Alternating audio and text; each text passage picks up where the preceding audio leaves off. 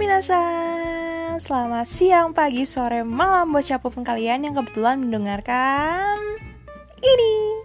Selamat terdampar di Gibah Haiku Jadi apa itu Gibah Haiku?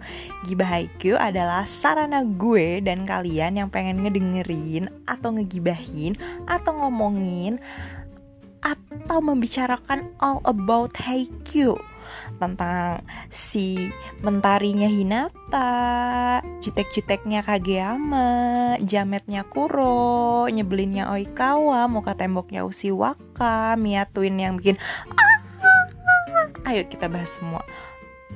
Mau tertarik uh, ngasih ide?